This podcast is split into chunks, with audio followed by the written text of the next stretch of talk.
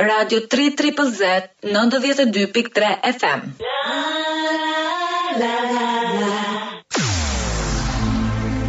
Në vazhdim sporti, sporti, sporti.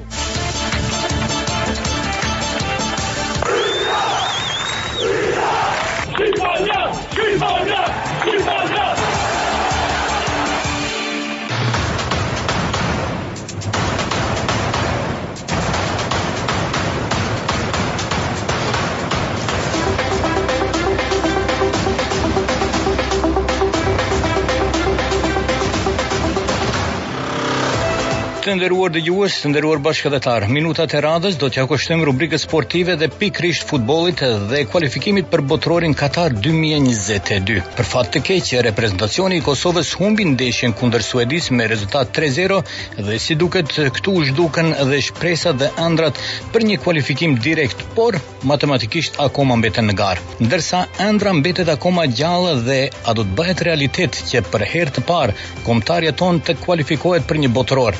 Të dielën herët në mëngjes me kohën e Australisë, kuqezinjtë korrën një fitore jashtëzakonisht të rëndësishme që na bën të gjithë ne të besojmë në këtë ëndërr të përbashkët. 11 të zgjedhurit e Edoardo Reja në Pushkash Arena shtangën nikoqirët Hungarinë duke i mundur me golin e Armando Broja. Nëse kjo ishte një fitore e madhe, e rëndësishme, atëherë ç'do të thotë sfida kundër Polonisë, e cila do të luhet nesër në mëngjes me kohën e Australisë dhe të martën në mbrëmje në Shqipëri. Për të mësuar për këtë dhe për atmosferën që mbretëron para lojës, ne do të kalojmë në Tiranë dhe do të kyçemi me gazetaren sportive të Radio Televizionit Shqiptar, Sabina Mete. Sabina, përshëndetje, Dhe mirë se vini në Melbourne, së paku kështu përmes kësaj linje telefonike. Përshëndetje të gjithëve, së pari është kënaqësi, me thënë të drejtën, edhe pse në një distancë shumë të largët, por më vjen mirë që uh, jemi në këtë lidhje telefonike për të folur dhe për të kushtuar disa minuta sportit në Shqipëri. Ju faleminderit sa për t'i njoftuar dëgjuesit tanë se me kë po bisedojmë dhe kush është Sabina Mete, unë do të jap një sqarim shumë të vogël dhe më korrigjo të lutem nëse gaboj. Gjatë Europianit në kuadër të emisionit të Euromagjia që u realizua në RTSH, Sabina është vajza bjonde që intervistonte nëpër terren, nëpër qytetet e Shqipërisë shqiptarët, por simbas Hygertës ishte ajo e cila i bezdiste shqiptarët. A është e vërtetë apo jo?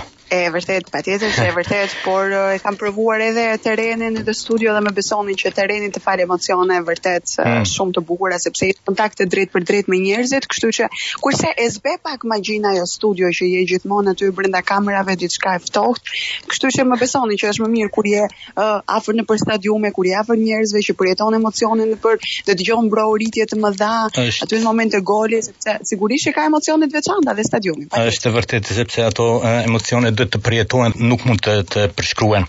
Atëherë t'i kalojmë uh, futbollit. E, si mund ta përshkruani sfidën kundër Hungarisë, sepse Personalisht prita një lojë më të barabartë dhe mbeta këndshëm i i, i zhgënjyer nga hungarezët ku kuqezinjtë ishin ata të cilët kërkuan tre pikat gjatë nëntëdhjetë minutave.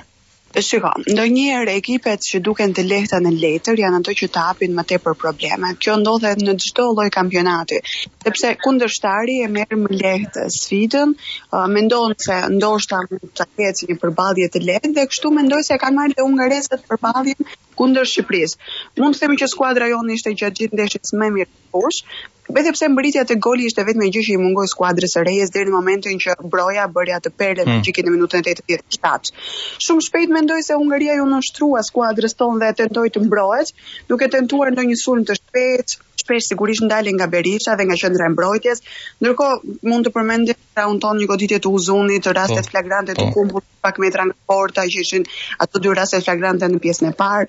Pastaj nuk kemi si të mos përmendim edhe uh, Nedim Bajramin, të, të, uh, sigurisht një vlerë e shtuar e kombëtares shqiptare, uh, një një përballje mund thoja që uh, ishte e papritur le të them sepse shumë pak ishte besuar që Shqipëria mund të dilte përballë një ekipi si Hungaria që uh, ka në ka elementë cilësorë brenda skuadrës së saj. Desha të shtoj se kjo fitore erdhi me një kosto të madhe, dëmtohet mesfushori Berat Gjimshiti.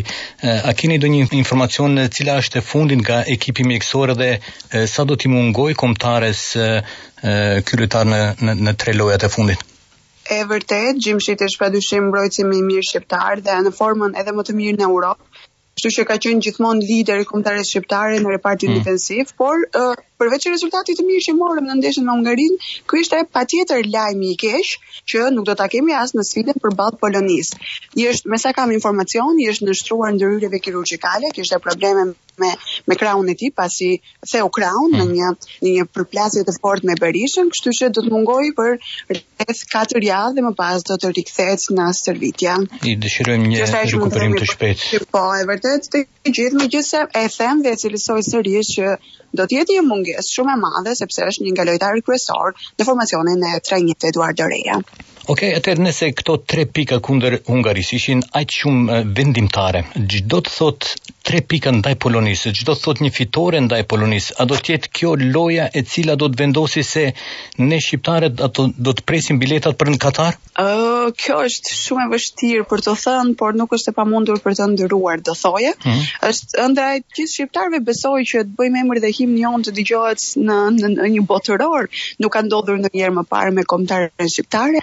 Është një gjeneratë e re ndryshe nga ajo e, e Euro 2016-s kur na bënë krenarë në po. Europë. Megjithatë, gjithkush do të besojë, mendoj. Nëse ia dolën përballë Hungarisë, që sigurisht ishte një kundërshtar i vështirë, patjetër që dhe Polonia është rivali direkt sepse, ok, ne nuk mund të themi, nuk mund të krahasojmë uh, Poloninë me Anglinë, që e po. dimë që është pretendentja kryesore e grupit, por mund të themi që rivali direkt është Polonia. Ka cilëso, ka elementë cilësorë brenda saj, kemi një Lewandowski, një super Lewandowski, që është gjithmonë përpara portës dhe në momentin e duhur, por pse jo të mos besojmë duke qenë se e mm. treguan veten në një përballje siç ishim me Hungarinë, që ishim jashtë territorit të Shqipërisë, ishim në një fushë të huaj, nuk ishim në shtëpinë tonë. Jo, vetëm e di, e vetmja frikë që kam është se mos na kaplojë euforia, sepse mm. Uh, kombëtarja kuqezi e bën herë pas here këtë.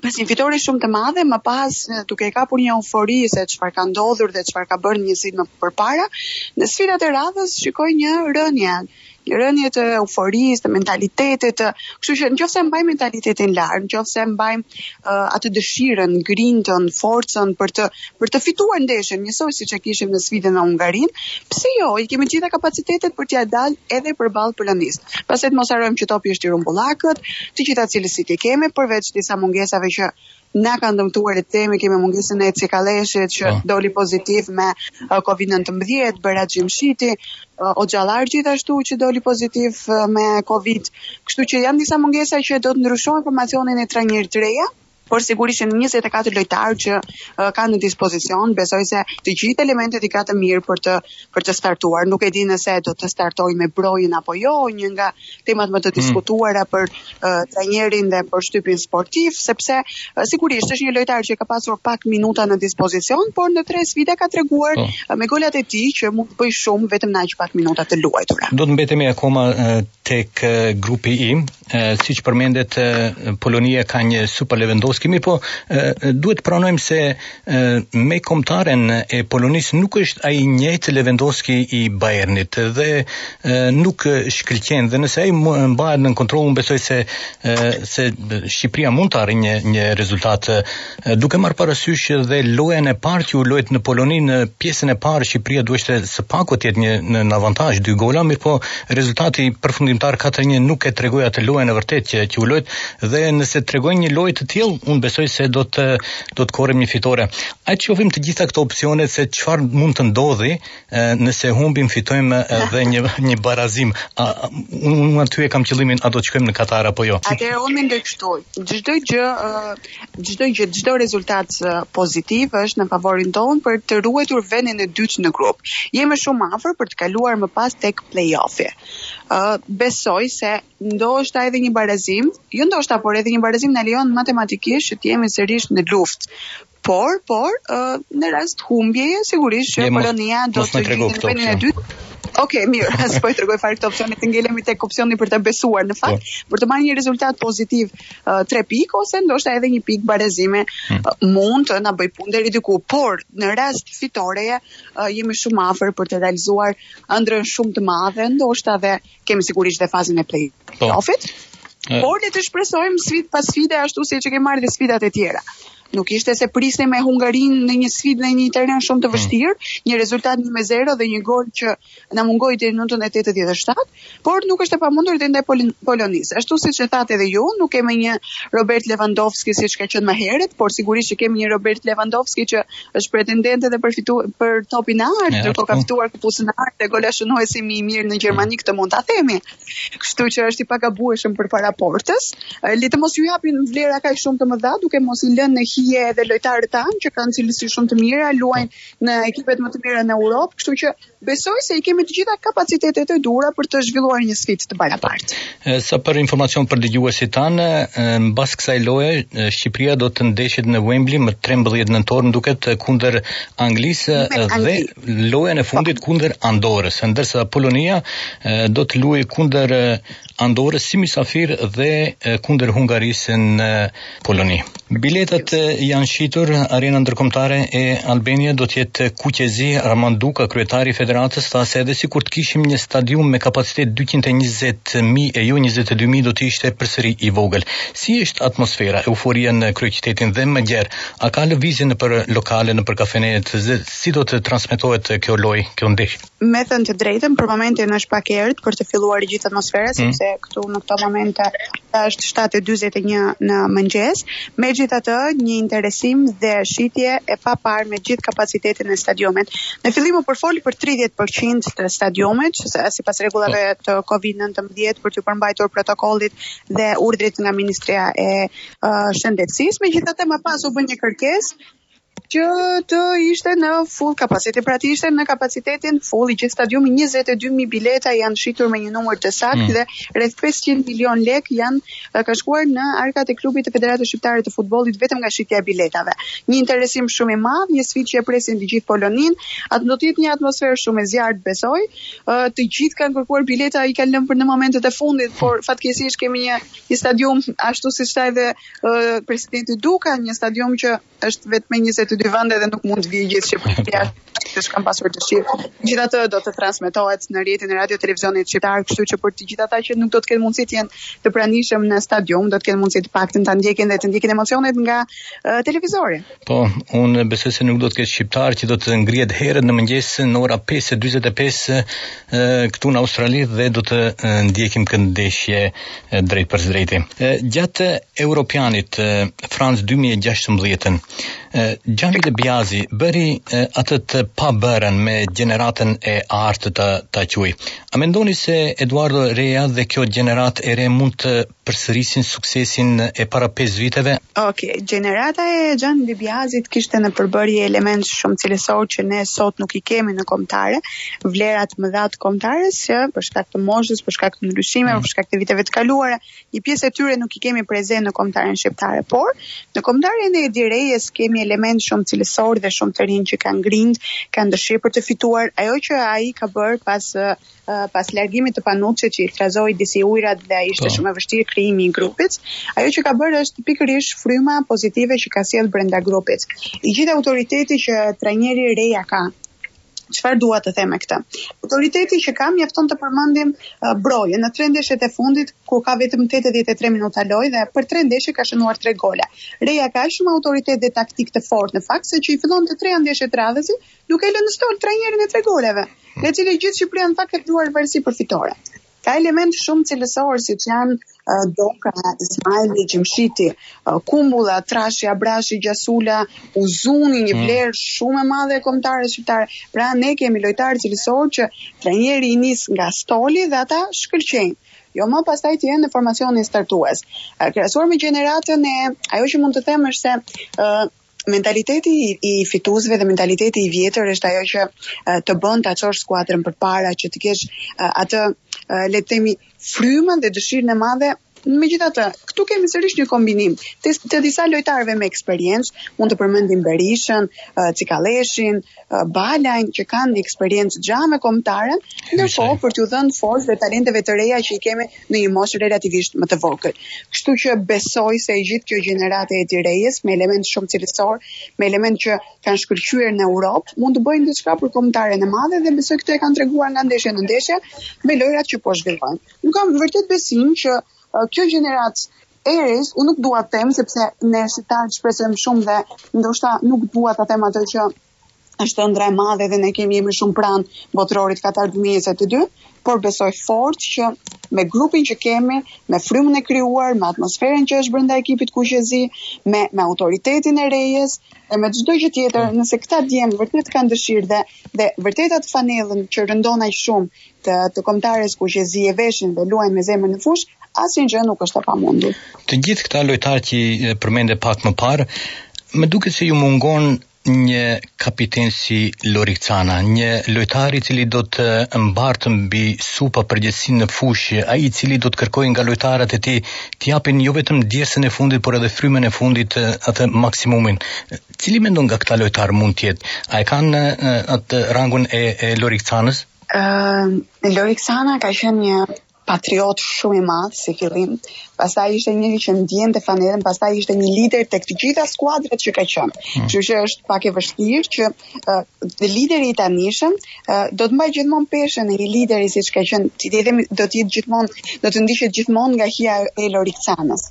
nuk mund ta krahasoj me Lorikun, është e pamundur sepse Loriku ngelet Loriku dhe e dim shumë mirë atë që ka bërë për kombëtaren kuqezi.